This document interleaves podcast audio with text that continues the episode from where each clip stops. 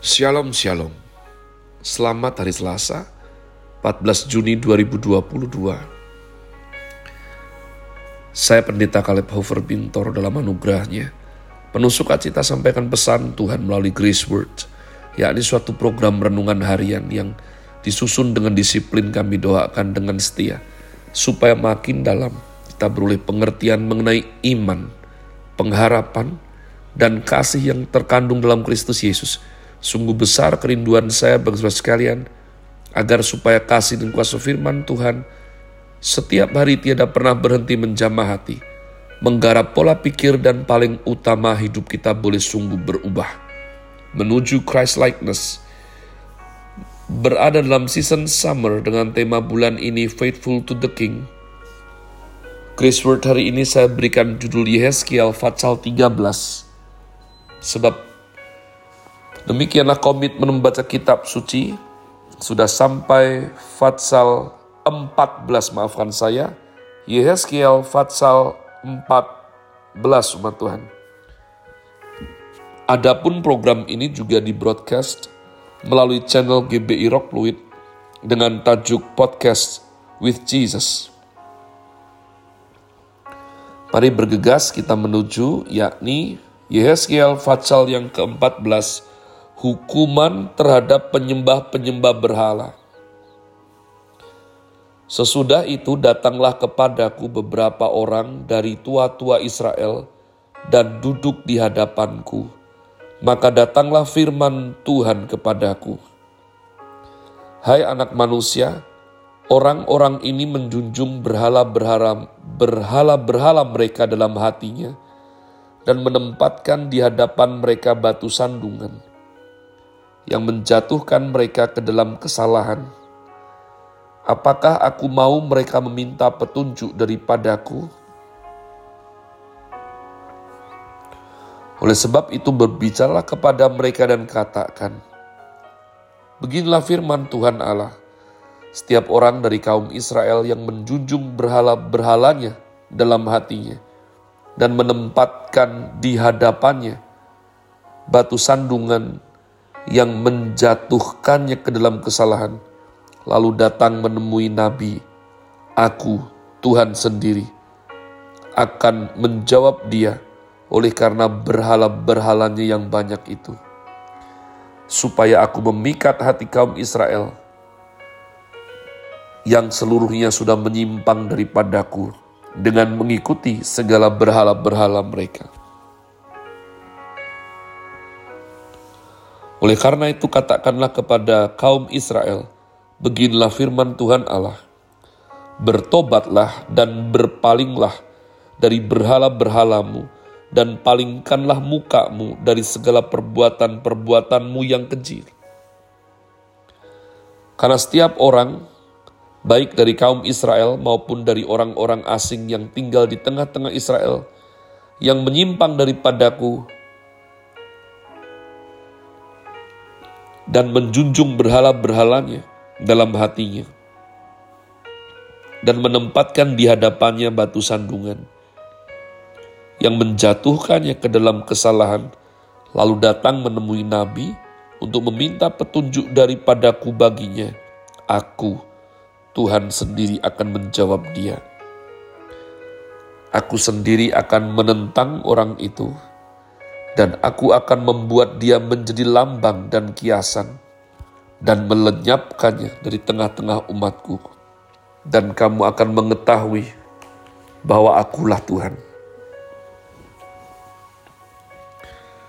Jikalau nabi itu membiarkan dirinya tergoda dengan mengatakan suatu ucapan, Aku Tuhan yang menggoda nabi itu. Maka aku akan mengacungkan tanganku melawan dia dan memunahkannya dari tengah-tengah umatku Israel. Mereka akan menanggung kesalahannya sendiri. Baik yang meminta petunjuk maupun nabi, supaya kaum Israel jangan lagi sesat daripadaku dan jangan lagi menajiskan dirinya dengan segala pelanggaran mereka. Dengan demikian, mereka akan menjadi umatku, dan aku akan menjadi Allah mereka. Demikianlah firman Tuhan Allah. Ayat 12, hukuman tidak tertegahkan lagi. Kemudian datanglah firman Tuhan kepadaku, hai anak manusia, kalau sesuatu negeri berdosa kepadaku dengan berubah setia, dan aku mengacungkan tanganku melawannya dengan memusnahkan persediaan makanannya dan mendatangkan kelaparan atasnya dan melenyapkan dari negeri itu manusia dan binatang. Biarpun di tengah-tengahnya berada ketiga orang ini, yaitu Nuh, Daniel, dan Ayub. Mereka akan menyelamatkan hanya nyawanya sendiri karena kebenaran mereka. Demikianlah firman Tuhan Allah.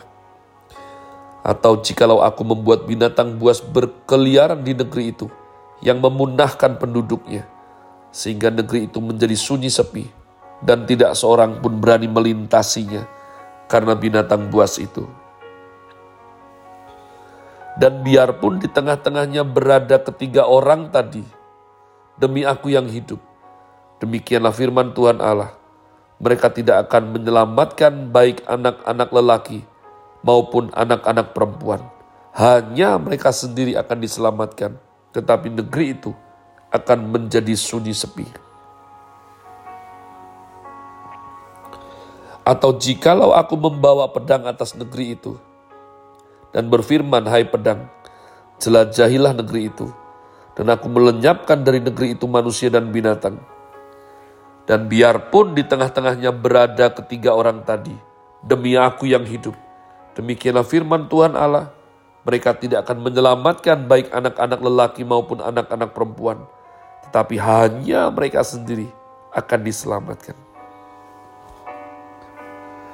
Atau jikalau aku mendatangkan sampar atas negeri itu, dan aku mencurahkan amarahku atasnya, sehingga darah mengalir dengan melenyapkan dari negeri itu manusia dan binatang. Dan biarpun Nuh, Daniel, dan Ayub berada di tengah-tengahnya, demi aku yang hidup. Demikianlah firman Tuhan Allah. Mereka tidak akan menyelamatkan baik anak laki-laki maupun anak perempuan melainkan mereka akan menyelamatkan hanya nyawanya sendiri karena kebenaran mereka. Ya, beginilah firman Tuhan Allah. Jauh lebih dari itu. Kalau aku mendatangkan keempat hukumanku yang berat-berat, yaitu pedang, kelaparan, binatang buas dan sampar atas Yerusalem, untuk melenyapkan daripadanya manusia dan binatang.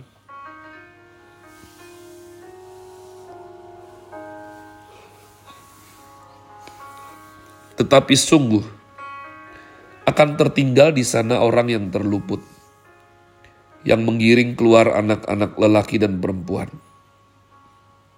Lihat, mereka akan datang kepadamu, dan kamu akan melihat tingkah laku mereka, dan kamu akan merasa terhibur tentang malapetaka yang kudatangkan atas Yerusalem.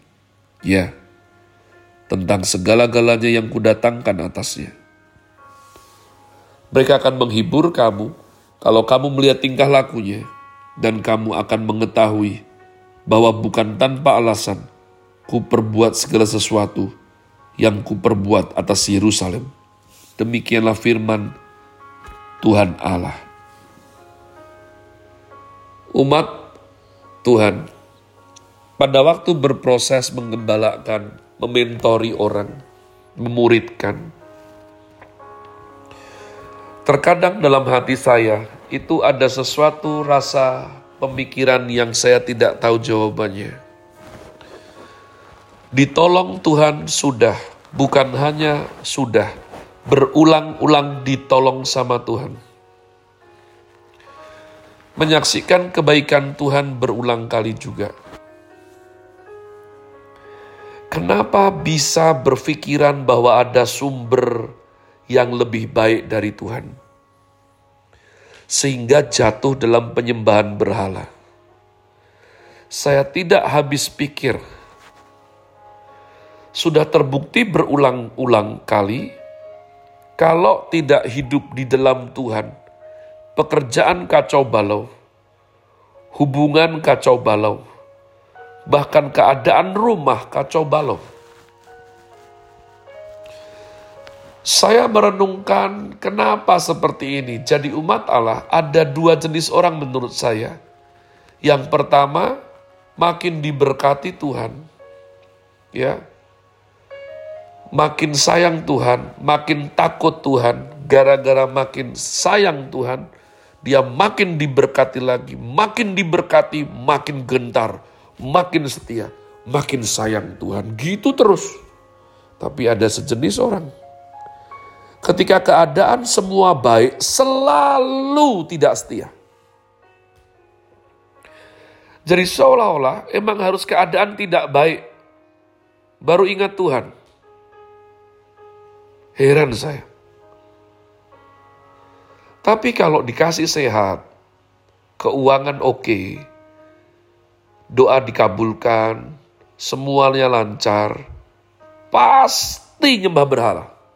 Aneh sekali. Tidakkah otaknya dipakai bahwa itu semua hal baik dari Tuhan? Tapi demikianlah saya menjumpai orang-orang jenis seperti ini. Terus menerus. Dan saya tidak tahu jawabannya sampai sekarang.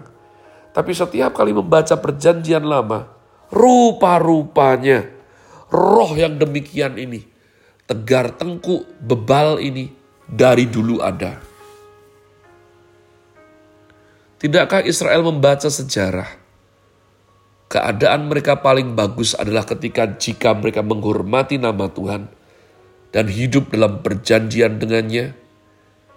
Tapi setiap kali keadaan membaik, mereka itu seperti cari perkara.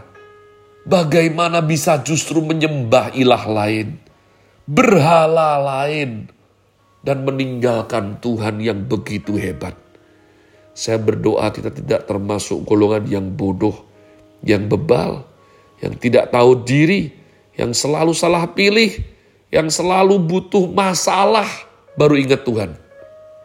Jauhkan itu dari kita. Biarlah kita diberikan kelembutan, diberikan kehausan, diberikan kesetiaan kepada Tuhan yang benar. Have a nice day. Tuhan Yesus memberkati saudara sekalian. Sola. Grazie.